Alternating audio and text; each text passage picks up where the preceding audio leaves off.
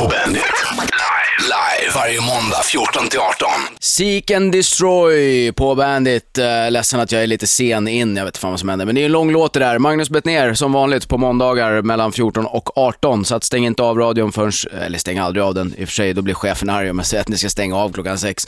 Eh, trött, inte lika trött som förra veckan, men, eh, men dock lite eh, slirig. Jag har avnjutit Jedward i helgen. Det är något jag absolut inte kan rekommendera till någon överhuvudtaget, ens om ni har barn. Vi gick ju för att dottern älskar de här två felknullade irländska tvillingarna som hoppar omkring i sina eh, värdelösa frisyrer med ännu fulare kavajer och inte ens kan fan dansa i takt. Alltså, man fattar ju att det ska suga, det fattar man ju när man går på Jedward. Man fattar, det här kommer suga så jävla hårt så att man kommer få ont i magen. Men att de inte ens de dansar i otakt, de kan inte sjunga. Kör playback för fan. Det är liksom, vi lever i idoltider nu. Alla kan ju dansa i takt och, och sjunga en ton. Om ni inte kan det, kör playback. Men nej, inte Jedward. 330 spänn biljetten, hoppa runt i otakt, sjunga falskt och köra ruttna covers. Dåliga låtval, dåligt utförda med usel kvalitet. Gå aldrig på Jedward eller någonting som den turnéproducenten sätter upp överhuvudtaget. Vem fan det nu var. Det var i och för sig Live Nation tror jag, så det är väl de som sätter upp allt. Så det blir, det blir, svårt. Men vi har massor att snacka om idag. Vi ska prata om att riksdagen har öppnat, vi ska prata om eh, fulla eh, piloter, vi kommer snacka om eh, ja, lite av varje. Vi kommer också få hit en asskön gäst. Hon dyker upp efter tre. Sakine Madon kommer hit och snackar yttrandefrihet och eh, lite pressetik och kommentarsfält och lite, ja vi ska se vad vi kan få ur henne. Blandat blir det. Och eh, som vanligt går det bra att kommentera via bandit.se, finns en livechatt där man kan gå in och snacka i, eller så kör man eh, Twitter. Antingen direkt till mig, att Magnus Bettner, eller med hashtaggen Bettner, så kommer det upp i flödet här och ni får liksom vara med. Vem vet, kanske till och med blir det ett lyssnarsamtal idag, för så pass busig känner jag mig. Nu är det dags för en låt, här kommer Warren Sevon.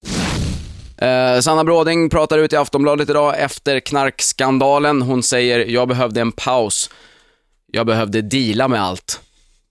Jag vet inte om det var jätterätt ordval, men vi får väl se hur det går. Nu ska hon i alla fall göra något nytt. Så det, det dröjer väl några veckor innan det, nästa lina snortas på någon spybar-toalett. Riksdagen har öppnat också i, i, veckan. Det är alltså dags för riksdagsledamöterna att gå till jobbet. Sommaren går ju fort när man bara har tre, fyra månaders semester med löjligt hög lön. Eller ja, semester är det ju inte, de jobbar bara hemma, som det heter. Första arbetsdagen är väl inte så jättebetungande heller. Titta på kungen, mingla, dricka champagne. Rätt skönt att sätta agendan inför hösten på en gång. Och Reinfeldt, han läste ju upp sin regeringsförklaring. Han gillar att ta ansvar. Han gillar det så mycket faktiskt att han sa det 21 gånger på 23 minuter. Alltså nästan ett ansvar i minuten. Det är inte illa pinkat. Han sa, det är tid att ta ansvar nu. Det låter ju bra om det inte vore för den lilla detaljen att han redan har regerat i fem år. Var inte det tid att ta ansvar? Eller var de första åren mer lek och trams? Jag vet inte, Juholt snackar ju också om att ta ansvar. Ansvar, ansvar, ansvar. Alltså fatta hur tråkiga partiledardebatter det kommer att bli framöver.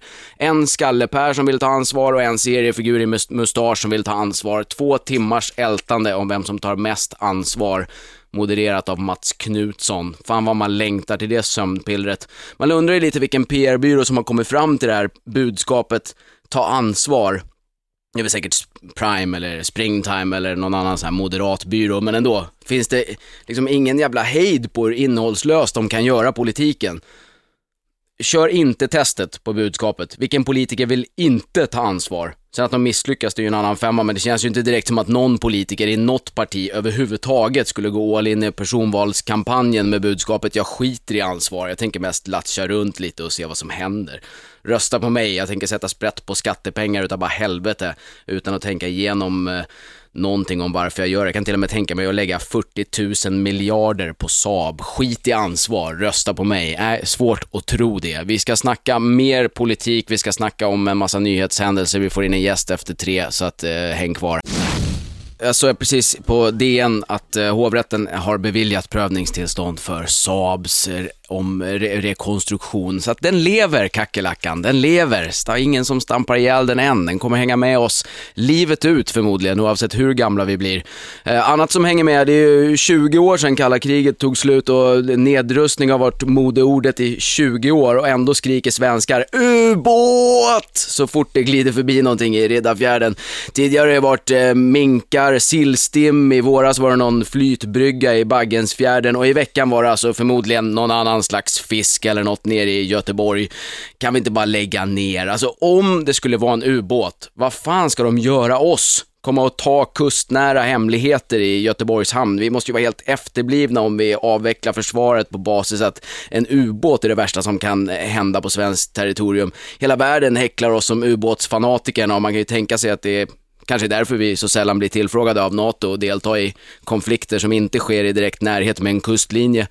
Även om just den lilla detaljen inte hindrade Danmark, som ju faktiskt skickade en ubåt till Irakkriget. Bra tänkt, Danmark. Men det är väl så man säkrar sina trupper ifrån att dö. Man skickar dem till krig i någon form av farkost som inte kommer komma i närheten hur mycket den än vill. Så jobbar danskarna. Vi ska snacka om eh, mer Danmark tror jag. De har ju haft val där precis. Vi ska snacka om eh, Dominique Strauss-Kahn som ju inte ställer upp i presidentvalet i Frankrike.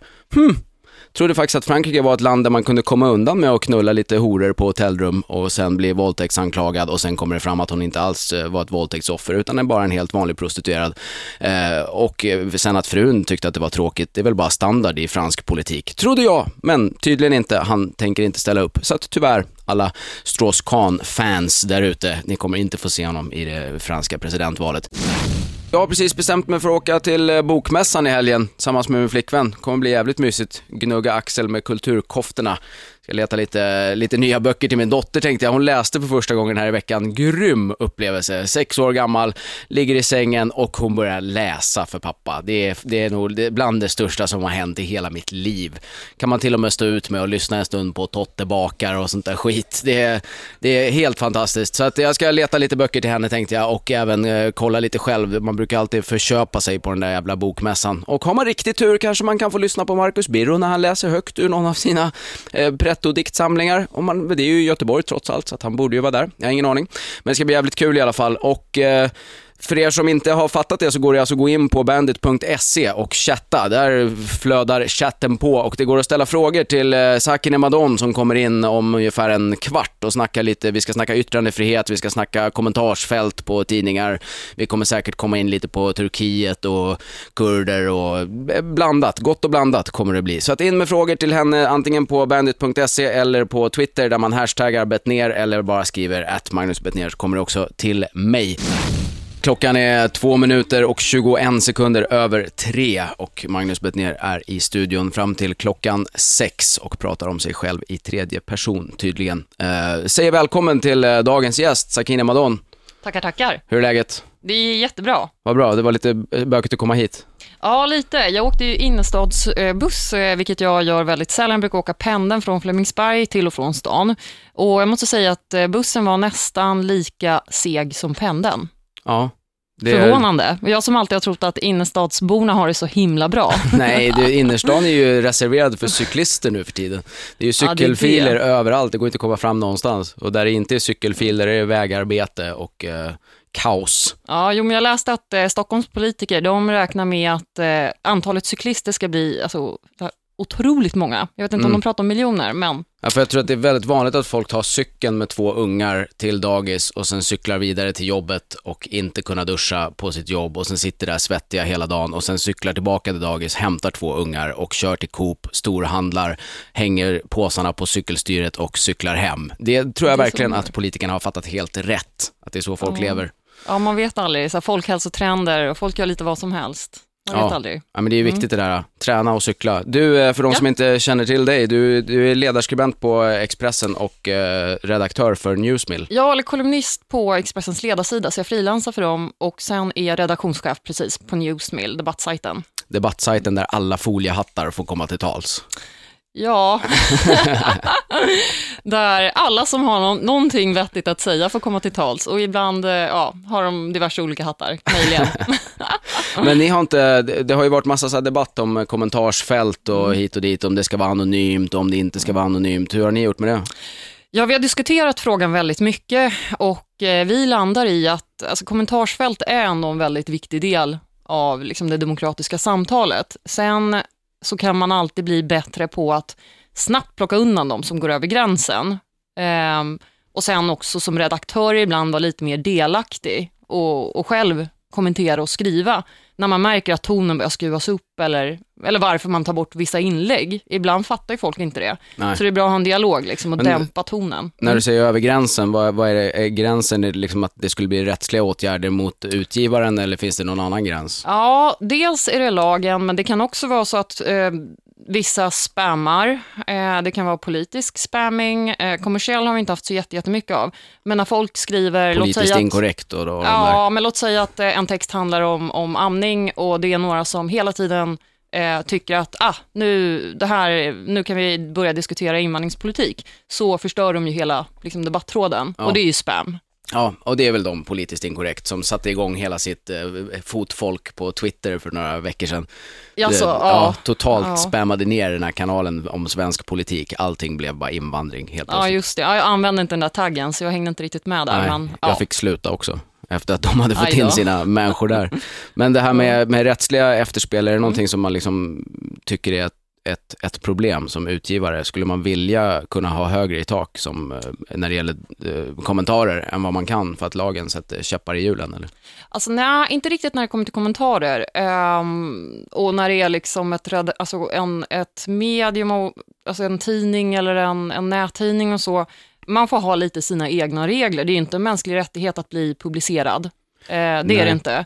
Däremot har jag ju invändningar eh, när det kommer till lagstiftningen om lite annat. Ja, som till exempel, Lagen hets mot folkgrupp. det är ju ruskigt spännande.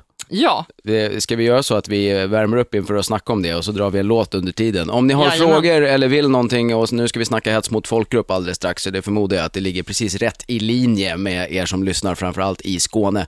Så att eh, då går ni in på bandit.se på livechatten eller så hashtaggar ni bettner på Twitter och snart ska vi snacka om det. Här kommer Guns N' Roses. Vi sitter här och snackar med Sakine Madon. Mm. Hur, eh, hur var pausen? Jo, den var jättetrevlig. Ni har varit så snälla. Jag har fått kaffe. Fast jag påstår att jag har slutat dricka kaffe. Asså, Men, varför då? Ja. Ehm, nej, men jag tänkte att te är ju nyttigt. Jaha, det är ju samma sak i. Eller det? koffein Ja. och sånt. Det är lika Ja, mycket koffein i te. möjligt. Men, det du, vi ska, inte mycket bättre. snacka, vi ska inte snacka hälsoråd, vi ska snacka hets mot folkgrupp. Ja. Det är väl skitbra att det finns en lag som ser till så att man inte kan hetsa mot eh, utsatta minoriteter. ja, men visst låter det helt fantastiskt underbart bra? Visst gör det det? Ehm, och lagen kom ju till efter andra världskriget. Eh, och, så man kan ju förstå, och Tyskland har ju en väldigt hård eh, yttrandefrihetslagstiftning. Man får till exempel inte förneka förintelsen. Det får man inte i Sverige heller va? Jo, det får man Ja, faktiskt. Skulle inte det fällas för hets mot folkgrupp tror du?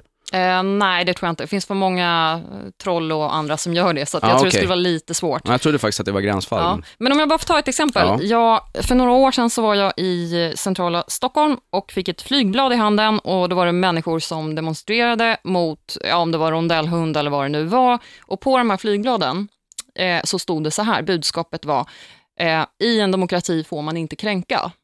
Mm. Ehm, och då tänkte jag, eh, jag var inte tillräckligt rapp för att börja argumentera mot dem där och då, men jag skrev säkert en text om det, att nej, det är faktiskt precis tvärtom. Ja. Ehm, utan rätten att såra, kränka, häda och så vidare, så har vi ingen yttrandefrihet. Det går liksom inte att säga yttrandefrihet, men med en massa restriktioner. Och eh, det är det jag menar, Alltså, den här förvirringen bottnar ju i vår lagstiftning. Folk vet inte riktigt vad som gäller och det är inte så jättekonstigt, för att lagen är väldigt luddig. Ja. Det man inte får göra är väl alltså att hetsa mot någon beroende på sexuell läggning, eh, etnisk tillhörighet eller religion. Det är så det står. Eh, ja, det uttrycks eh, någonting åt det hållet, men vad hetslagstiftningen gör, eh, jag tycker till exempel att uppvigling och hot ska ju självklart vara förbjudet, men den här lagen, den förbjuder missaktning, alltså att se ner på olika grupper. Och eh, det är klart att, alltså hur korkade fördomar om olika folkgrupper än är, så går det ju inte att förbjuda. Nej. Eh, och skulle man tolka lagen ortodoxt, ja då skulle vi ju kunna börja med att bura in jättemånga religiösa företrädare, eller komiker för den delen. Ja eh, och många, många fler. Så att det går ju liksom inte ens att, att följa lagen till punkt och pricka. Nej, och sen när folk har försökt, som med Åke Gren till exempel, så blir ju, blir, det är ju ingen som blir fälld i alla fall. Liksom. Ja, men det är ju det, känns som är så att- lustigt, för att han, han blev ju fälld först. Och Ja, han i tingsrätten. skulle ha, men ja, de han kan ju ha- ingenting om någonting, de som sitter i tingsrätten Ja, och fast bestämmer. de, de följer ju vår lagstiftning och då borde han ha blivit dömd. Men då kommer ju religionsfriheten in. Så att det där är ju också helt rubbat. Om vi nu har en lagstiftning som jag då kanske kan dömas, ja, nu är jag, har jag vissa minoritets, minoritetsegenskaper så jag klarar mig säkert undan. Men låt säga att en icke-kristen ateist säger samma saker och blir dömd, så kan vi inte ha olika regler bara för att folk eh, tror på, råkar tro på Gud. Nej, så att det är ett tips till alla böghatare där ute. Bli, bli eh, fundamentalistiskt kristna, sen är det bara att blåsa på och säga att det står i Bibeln. Vilket det ju också gör, i och för sig. Ja, Men det, och då kommer vi tillbaka till det här, alltså det går inte att förbjuda. nej, jag, jag håller med dig. Det, det, det, det är en fruktansvärt märklig lag, att man liksom ska inskränka folks rätt att att tycka. Det känns lite som att folk inte fattar hur central yttrandefriheten är för eh, Nej. demokrati. Nej men de gör ju inte det. I Sverige är vi så himla, vi så himla snälla och fina och tycker synd om, om grupper och ibland behöver vi tycka synd om grupper för att det finns eh, rasism riktat mot ja, olika grupper och så vidare. Eh, men problemet är att den här lagen är ingen lösning på det, utan ja, det blir bara så fel. Eh, låt säga att, alltså jag skyddas ju enligt praxis för att jag råkar ha utländsk bakgrund eller, eller muslimsk bakgrund, skulle jag också kunna åberopa. Eh, men däremot, alltså handikappade är också en grupp som det ofta är väldigt synd om, Ja. skyddas inte. Kvinnor till exempel, kan man också se som ja, Nej, alltså det är väl risken kanske. när man börjar hålla på så här, att, det, att man eh, utvidgar det liksom, till politisk tillhörighet och, och kön och vad, vad man vill. Liksom. Ja, att man och helt plötsligt inte får år säga sedan- någonting om någon. Ja, men precis. Och bara för vad var det, tre år sedan så, sa, eh, så kom Brå, Brottsförebyggande rådet, fram till att ja, även minoritetsgrupper kan vara rasistiska mot varandra. Och då säger jag så här, ja men god morgon.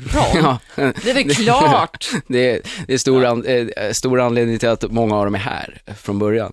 Ja. Eh, vi ska snacka mer yttrandefrihet, eh, lagen om hets mot folkgrupp och massa andra grejer. Har ni frågor till Sakine eller till mig så går ni in på bandit.se, det finns en livechatt där, eller så hashtaggar ni ner på Twitter. Här kommer en eh, låt som Sakine har önskat faktiskt, det är Slayer. Live heter bandet, Lightning Crashes heter låten och Sakine Madon heter gästen. Vi Ja. snackar eh, hets mot folkgrupp och det går som sagt bra att gå in på eh, bandit.se och fråga frågor eller hashtagga bet ner på Twitter så kommer det upp. Det har folk gjort. Bland annat har vi någon, förmodligen eh, politiskt inkorrekt fotsoldater som skriver Varför skulle förtryck mot svenskar inte räknas som hets mot folkgrupp? Det är en Ja. klassiker, eller hur? Ja, det är det. Och då tycker jag så här, varför ge dem rätt? Ja, Det är ju fel på lagen och det måste man kunna säga även om, om ja, eh, vissa sverigedemokrater på nätet tycker som en själv. För jag får det ofta på mig så här, ja men nu, de tycker ju sådär, då får man inte tycka det. Jo, det är bara dumt att liksom låta bli och argumentera för helt vettiga saker. Ja. Eh, tvärtom ska man ju tänka som så, ger de inte det argumentet? Nej. Alltså, det, jag är ju verkligen av den åsikten att lagen borde avskaffas bland annat av den anledningen. Att de Ja. kan hålla på sådär och bara, ja men, eh, men svenskheten är under hot från yttre, håll käften bara, vad fan, annars kommer man ju inte få hacka på dem till slut. Ja, men det värsta är ju att eh, alltså, nästan alla som, eh, som döms, eh, jag tror, alltså för några år sedan såg jag en siffra på 98 procent, är just unga eh, ja, svenska killar som antingen heilar eller yttrar eh, något rasistiskt. Liksom. Av, ja, det, det är främlingsfientliga liksom, unga män. Ehm, och frågan är om det, det är liksom rätt, rätt metod. Jag kommer ihåg när jag var fritidsledare, jag har varit i vissa förortskommuner i Stockholm. Och på ena fritidsgården så fick jag en rejäl utskällning en gång för att jag satt ner och pratade med svenska ungdomar i, på högstadiet eh, som klagar på att ja, men min morbror får inte pengar för att alla invandrare får dem istället. Eh, och då, då tyckte då mina kollegor att men, de här killarna de ska bara ut direkt ur fritidsgården. Eh, och jag Logiskt. undrar, ja, och jag undrar om det gör att de blir mindre främlingsfientliga. Jag tror ju tvärtom. Och det är det, om man lyssnar på aktiva sverigedemokrater, så är en väldigt vanlig förklaring till varför de blev aktiva, att de just kände sig orättvist behandlade, Ja. i skolan inte minst. Men det är väl det det handlar om överhuvudtaget när det gäller hets mot folkgrupp, att varför inte bara ta debatten med de här människorna som faktiskt tycker så här, istället för att förbjuda dem att uttrycka det. Varför inte bara liksom, jag blir så jävla men folk trött är så på det där. lata Att, på det, eller folk är så lata och eh, ja, tror hela tiden att, att lagstiftning och förbud är rätt väg att gå. Men då biter man ju sig själv i, i svansen, för börjar man förbjuda det ena så förbjuder, man snart det andra och så vidare. Om vi inte tillåter Mohammed-karikatyrer får vi snart inte skämta om, om kristendomen och sen så rullar det bara igång. Det ska vi prata mer om alldeles strax, för det har kommit lite så här hädelselagar i eh, massa Mm. länder i Europa. Det är rätt intressant ur ett yttrandefrihetsperspektiv. Men först en låt, här kommer Ark Enemy. Sitter och snackar med Sakine Madon, vi pratar yttrandefrihet och eh, näthat. Det har ju varit på Ja. tapeten nu. Eh, helt plötsligt efter Breivik kom alla på att fan det här är ju inte bra. Ja, precis. Och jag tror, att, eh, jag tror absolut att, eh, alltså Breivik var ju startskottet för hela den, för den debatten, men jag tror att anledningen till att den har blivit så otroligt eh, stor och oändlig eh, är för att eh, många journalister känner att eh, ah, det här är faktiskt ganska roligt att prata om och få berätta liksom, om olika mejl och så de har fått. Eh, Jag var till exempel hos eh, Publicistklubben, en klubb för väldigt fina journalister som går omkring i såna här stora dyra koftor eh, i Kulturhuset i Stockholm. Och då var det just en diskussion om det här med näthatet. Och ja, det var ju, jag kan ju säga som så att det var ju naturligtvis inget nättroll som satt där och, och diskuterade, utan det var ju de här fina journalisterna. Och en av dem sa, en kvinna sa så här att, ja, jag har till och med fått eh, en kommentar och mejl om att jag skulle vara prostituerad. Nej, stackarn. Och då tänkte jag så här, men ja, eh, är det verkligen det värsta du har varit med om? Och om det är det, så varför blir du så himla ledsen för det? Ja. Varför Ja. kan inte folk bara skita i anonyma kommentarer från något random troll?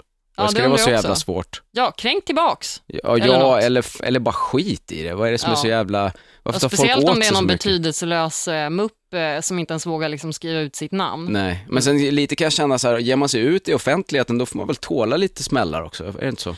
Ja, jag tror det. Men jag, alltså, jag tror att många journalister fortfarande är kvar i någon slags eh, värld där de bara förde just en monolog och bara liksom fick skriva, skriva vad de tyckte och tänkte och aldrig få någon, någon elak reaktion utan ryggdunkar liksom från kollegor och det är så. inte så länge sedan som det inte ens fanns e-mail-länkar under de flestas artiklar och sådär. Precis. Det är ju bara några år sedan. Precis.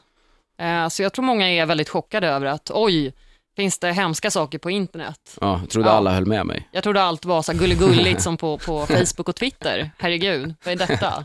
Ja, Ja, men det är, jag, jag, tycker det är väldigt märkligt att det har liksom eh, behövs en sån där grej för att det ska liksom blom, blomma upp och sen helt plötsligt så här, det är väl självklart att folk kommer att hata saker som skrivs, särskilt när de har möjlighet att göra det anonymt bakom ett tangentbord. Ja, men precis. Alltså, diskussionen börjar väl ganska allvarligt och, och värdigt, eh, men nu tycker jag att det bara har, ja, det, ja, det har gått rundgång i den, i den debatten. Det handlar mer om liksom, att journalister är ledsna för att någon kallar dem för prostituerad. Och då tycker jag att man, man, ja, man får fan lägga ner där. Ja, men det är ju elakt. Nej, varför skulle det vara det? jag ser inte det elaka, eller har, har du något Elakt emot mot prostituerade? prostituerade som helt Ja. plötsligt ska behöva bli ihopblandade Där med en en jävla poäng. yrkesgrupp som bor på Söder och inte gör något vettigt överhuvudtaget. Prostituerade jobbar i alla fall hårt för sina pengar. Du, eh, vi ska snacka mera tänkte jag, lite mer yttrandefrihet och andra grejer. Har ni frågor till Sakine så gå in på bandit.se, finns en livechatt där, eller så hashtaggar ni ner på eh, Twitter. Vi har fått ett, eh, en fråga du och jag, eller mer ett påstående tror jag. Det kommer från Ej Rasse. som alltså förmodligen är just Rasse. Eh, lätt för Bettner att gnälla på Sverigedemokraterna och andra när man lever sitt egna lilla liv i en liten bubbla och inte behöver vara ute och ta skiten från våra kulturberikare. Vad säger vi om det? Aj. Ja, Det är jag rätt vanligt det här, Jag är ju jag. säkert så här kulturberikare själv och bor i ett miljonprogram så Ja. jag vet inte. Det kanske är riktat till dig. Jag är, Ja, jag bor ju själv i Vällingby, jag har liksom en muslimsk friskola 50 meter ifrån min port. Ja. Så att jag vet inte exakt vilken skit de brukar få ta från sina kulturberikare, men jag, jag, det är alltid så här att Vä- Vällingby är ett bra exempel som ena dagen på Sverigedemokraternas propagandasajt Politiskt inkorrekt så är det så här exempel på hur mångkulturen har misslyckats för att då är det någon som har blivit knivhuggen av någon med utländsk bakgrund och nästa dag när man säger att man bor där, då är det inte alls längre ett exempel på en invandrartät förort utan då är det ett medelklassgetto där det bara lever vita människor i någon slags gated community. Så att de liksom anpassar verkligheten lite efter vad det är de vill försöka säga. Ja. Men som sagt, jag, jag bor mitt ibland kulturberikarna som du kallar dem, ej rasse.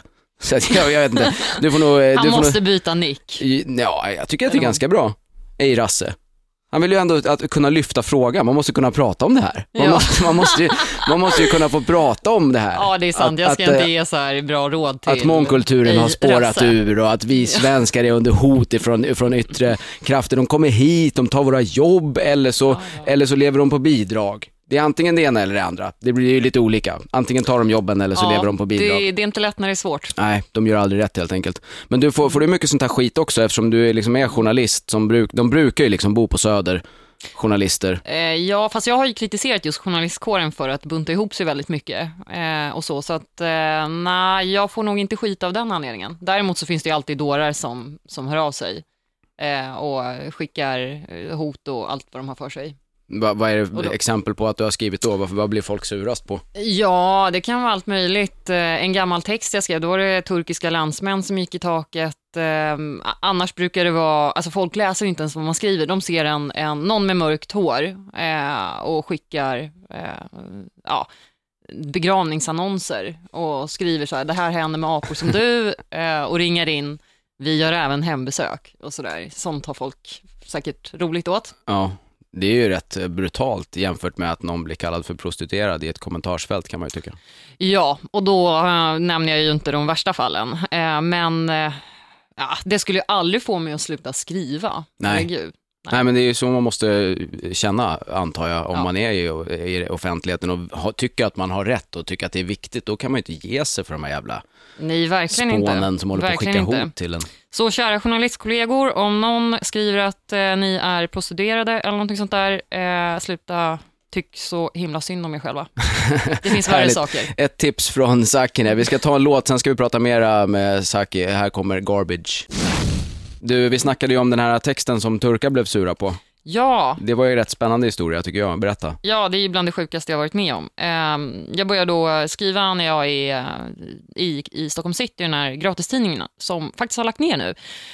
Ehm, Men då när jag var 24 fick jag börja skriva där, vilket var jätte- jätteroligt, jättespännande. Eh, Och ehm, ja, efter ett tag så skrev jag en text eh, där jag nämnde folkmordet på kristna i nuvarande Turkiet, ja, som ägde rum då eh, 1914 till 1918 och eh, så kallade jag då grundare, Turkiets grundare Atatürk för en galen general.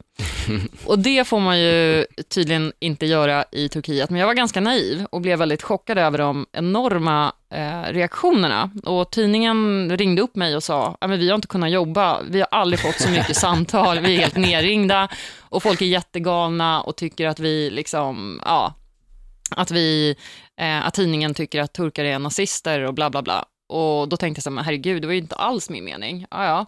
Och så sa chefredaktören som pratade med mig att eh, Vad heter han? Mikael Nestius, Just det. Ehm, han sa det att ja, men vi måste, jag måste ju liksom göra någonting, jag måste be om ursäkt eller något. Och då sa jag det jättetydligt. För är det någonting jag har skrivit om så är det, ge inte efter för kränkta grupper. Nej. Eh, så jag sa det att, eh, nej men jag går absolut inte med på en ursäkt. Eh, aldrig i livet. Och sen så trodde jag att, ja men nu, nu är vi överens, det är fine. Eh, sen vad han gör skiter väl jag i liksom. Men, men eh, jag har i alla fall sagt mitt. Men två dagar senare så, vad, kom, vad dyker inte upp i tidningen om inte en ursäkt med mitt namn under. Nej. Eh, ja. Jaha, jag trodde det var han som hade Nej. bara... Det var både hans, eh, hans underskrift och sen så var det då mitt namn med i typ så här storlek 8, nästan som han skämdes för att sätta dit mitt namn. Men dock, och eh, då bloggade jag ju naturligtvis om det och sa, men jag aldrig i livet att jag skulle be om ursäkt för en, för en sån text. Jag är, alltså, ja, jag är ju halvkurd och halvturk dessutom, mina föräldrar har fan flytt från det där landet och Ja. den extrem nationalismen eh, som finns. Eh, så jag blev ju, är det någon gång jag faktiskt har varit kränkt, tror eller ej, så var det faktiskt att se mitt namn under, under den ursäkten. Så jag blev skitförbannad, började blogga eh, och sen fortsatte konflikten och jag bråkade med honom tills jag offentliggjorde mejl från den tiden. Så fick folk dra sina egna slutsatser och det var inte till hans fördel kan jag säga. Vad stod det om då?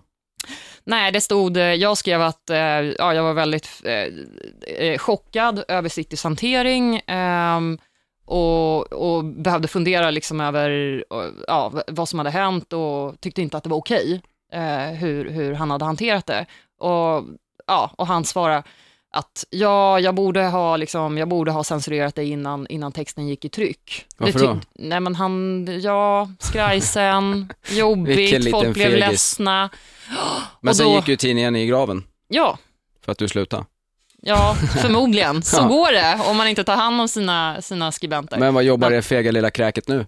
Eh, han är på någon eh, perifer liten läkemedelstidning eller något sånt där. Oj då, Ja. så går det. Ja, så kan det gå. Och ja, nej men jag, jag var ju jätteledsen då och det blev en stor nyhet i, i Turkiet där det påstods att jag då, landsförrädaren, hade gjort så att svenska kungen hade fått rycka ut och be om ursäkt för mitt beteende eh, med mera. De hade inte riktigt grepp om det här med att kungen inte har så jättemycket att säga till om överhuvudtaget. Nej, utan det var en jättestor grej då att kungen hade läxat upp mig, jag hade förlorat jobbet och jag var liksom, ja, landsförrädare och allt vad jag var. Men eh, det gick ju bra ändå för mig. Ja, Så det är vi det väldigt glada för att, att, att det gjorde. Du, eh, jättestort tack för att du kom hit idag. Ja, men jättetack för att jag fått vara här. Vi har ju snackat om att eh, riksdagen har öppnat, för er som har tillkommit, eh, det är inte bara det de har gjort, utan när de öppnar riksdagen så har de ju också en frivillig gudstjänst, som ju är perfekt för den som tycker att det inte räcker med att lyssna på kungen, utan behöver ännu mer tomtar, troll och sagofigurer innan man börjar jobbet med att skapa lagar och bestämma över alla oss andra. Men i år var det inte bara en präst på gudstjänsten, utan även en imam och en rabbin. Det brukar tydligen vara så vartannat år och sen bara en kristen präst vartannat år. Eh, Det det är väl egentligen rätt naturligt att de där tre står tillsammans kan jag tycka. Religionerna är ju ändå hyggligt lika varann. Samma profeter, samma böcker, samma böghat, samma kvinnoförakt. Men nej, nej, Sverigedemokraterna rasar i år igen. Erik Almqvist, han vill inte ens gå för han tyckte att kvaliteten var för dålig. Och så sa han också att eh, det var synd att en så fin tradition som gudstjänsten skulle förstöras. En fin tradition, Erik. Man undrar ju exakt vad Sverigedemokraterna vet om det här. De har ju bara varit där en halv gång innan. Förra året rusade de ju ut från gudstjänsten för att det började pratas om antirasism i predikan. Och den här gången ville inte ens alla sd gå för att det skulle finnas en rabbin och en imam också. Men Sverigedemokraterna brukar ju inte behöva några djuplodande kunskaper för att driva sin politik överhuvudtaget. Läste bland annat i Strömsunds kommun ville eh, Sverigedemokraterna stoppa vindkraft och satsa på kommunens vattenkraft. Trots att kommunen inte har ett enda vattenkraftverk. I Klippans kommun så vill de spara pengar på att sluta ta emot ensamkommande flyktingbarn. Eh, trots att det då inte är kommunen som betalar för ensamkommande flyktingbarn. Och eh, nu har man alltså åsikter om hur riksdagens traditionella gudstjänst ska se ut, trots att man bara har besökt den en halv gång. Det är så Sverigedemokraterna jobbar. Och vill ni mig någonting om det, så går ni alltså in på bandit.se eller på Twitter där ni hashtaggar betner. Ghost, som jag märkte häromdagen till min stora glädje, har rippat riffet till en av sina andra låtar ifrån Asterix-filmen. Det kan ni kolla upp om ni känner för det. Jag tycker det var jävligt skönt i alla fall. Eh, något annat som var skönt är att regeringen eh, äntligen har rutit ifrån om eh, gamlingars rätt till sprit. År 2011 har de alltså äntligen kommit fram till att människor som är sådär 70-80 år gamla, de är faktiskt över 18 och därmed myndiga. Tidigare så har ju inte gamlingar på vissa ålderdomshem haft eh, rätt att ha sprit på rummen, något de ska få ha nu för att regeringen har kommit på. Alltså fatta hur sjukt det där är. Du betalar skatt, jobbar hela livet, på ålderns höst hamnar du i något förvaringsrum där någon folkhälsotaliban säger åt dig att det är för farligt att ta ett glas alkohol på kvällen så det blir inget. Jag fattar inte, alltså hur, hur kan man neka ett stackars russin med bara ett par år kvar och ta en kvällssup? Ålderdomshemmen borde ju fan ställa in så här, saker att testa innan du dör skåp på rummen, fyllt med sprit och knark och sexleksaker och fan vet. Nej, mormor kan inte komma och prata just nu, hon snedtrippar på LSD. Men ändå tycker då vissa att regeringen ska ha cred för att man har slagit fast att gamlingar har rätt till sin kvällssup. Cred. Man har haft fem år på sig att lista ut att det inte finns någon övre gräns för myndighetsåldern. Fem år. Lika länge som den tiden tycker jag man borde låsa in folkhälsominister Maria Larsson i ett tyst rum utan nöjen, där den enda sociala umgängesform hon får det är när de rullar ut henne en timme om dagen i sällskapsrummet och hon blir serverad någon portion trött skolmat framför Café Norrköping. Självklart utan nubbe då. Det tycker jag vore rättvist. Eh, massa frågor om eh, när jag kommer vart och så vidare. Det finns på magnusbetner.com. Ny turné börjar 1 oktober, premiär i Uppsala och allt det där. Ni har detaljer på hemsidan. Eh, Igår eh, var det ju stort på nyheterna att eh, Swedbanks kunder var utsatta för omfattande bedrägerier och banken kan inte svara på hur mycket pengar kunderna har förlorat. Och man tänker helvete, hackade datorsystem, skimmade kort, men nej. Bedrägeriet handlade alltså om att det igen har skickats falsk e-post som bett folk mejla tillbaka sina kontouppgifter, kortuppgifter och inlogg. Alltså, det är 2011. Hur fan kan det fortfarande vara ett bedrägeri? Alla vet väl vid det här laget. Banken, skattemyndigheten, din mamma eller vem fan det nu än är kommer inte be dig att skicka känsliga uppgifter över e-post. Det kommer inte hända. Alltså, hade någon blivit blåst om samma grej hade hänt med vanlig post, dimper ner något så här fult eh, kuvert med handskriven adress och så står det bara särskrivet och felstavat att du ska skicka dina kontouppgifter till en postbox i Hökarängen. Nej, jag skulle inte tro det. Lär er för fan. Jag tycker inte ens det här borde vara olagligt. Det är mer någon form av ekonomisk darwinism. Om du sätter över hela lönen till Nigeria så lär du i alla fall bara göra det en gång och sen kommer du skylla dig själv resten av livet och aldrig göra om det. Och förmodligen kommer du ju varna vänner och bekanta också så att det här inte sprider sig vidare. Tänk lite för i helvete. Headbanging slager hater med Bandit Metalizers på Bandit, där vi alltså spelar Bandits egna band då och då. Och nu gjorde jag det. Magnus Bettner heter jag som pratar. Uh, jag vet inte vad vi ska snacka om. Jag, jo, eh, jag läste The Atlantic, en tidning. De har listat uh, världens mäktigaste städer enligt uh, de tre måtten ekonomisk, finansiell och innovativ styrka och döm om min dubbla förvåning när inte bara Sverige kom på prestigefyllda 25 platsen utan dessutom delar den med Irland. Alltså Stockholm, staden utan ringled, något som vi delar med, jag tror att det är Moldavien som enda länder i hela Europa som inte har, döms alltså på basis av sin innovativa styrka. Jo, alltså vi har ju en idé om att underlätta för människor att eh, förflytta sig, men så har vi ju också udda ugglor i olika naturskyddsområden runt om i stan som ligger i vägen för de här planerna.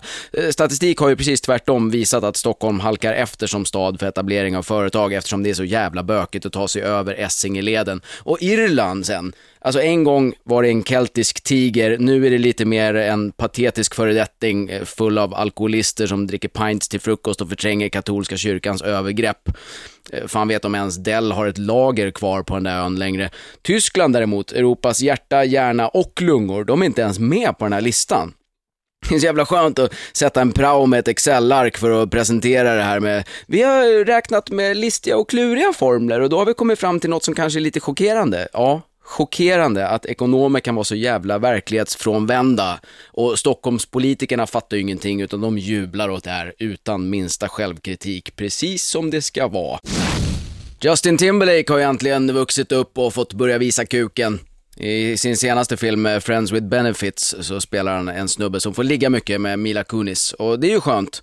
Eh, men börjar inte Justin i lite fel ände där?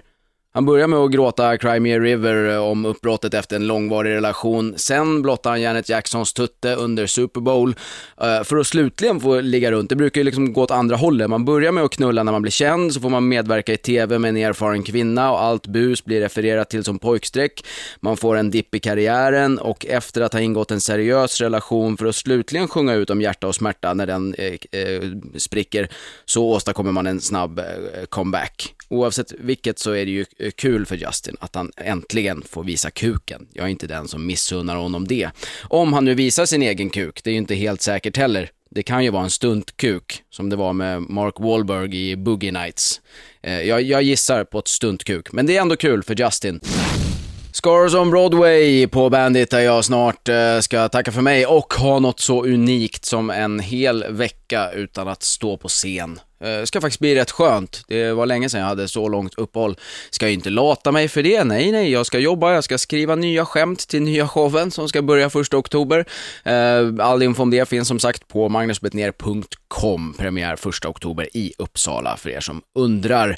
Eh, var ska jag sitta och göra det undrar ni? Jo, det har jag redan berättat. Jag ska ju till Göteborg och sitta där. Och de har ju också gjort en plats för Ingo utanför Ullevi. De ska sätta upp en Ingo i guld man undrar lite hur mycket Göteborgs stolthet egentligen är Göteborg, när han redan 59 flyttade till Schweiz av skattetekniska skäl. 20 år senare så flyttade han till Miami för att driva ett motell och 1999, det vill säga 40 år efter att han har lämnat Sverige, så spenderar han fyra år på Dalarö i Stockholms skärgård innan han checkar in på ett gruppboende i Saltsjöbaden några år senare. Göteborgs stolthet, va? Göteborg, ni har inte gjort ett skit för Ingo och Ingo har inte gjort ett skit för er. Släng upp en Albert och Herbert i guld utanför Ullevi. Två göteborgare i en och så går vi vidare utan Ingo. Det ner på Bandit. Måndagar 14 till 18.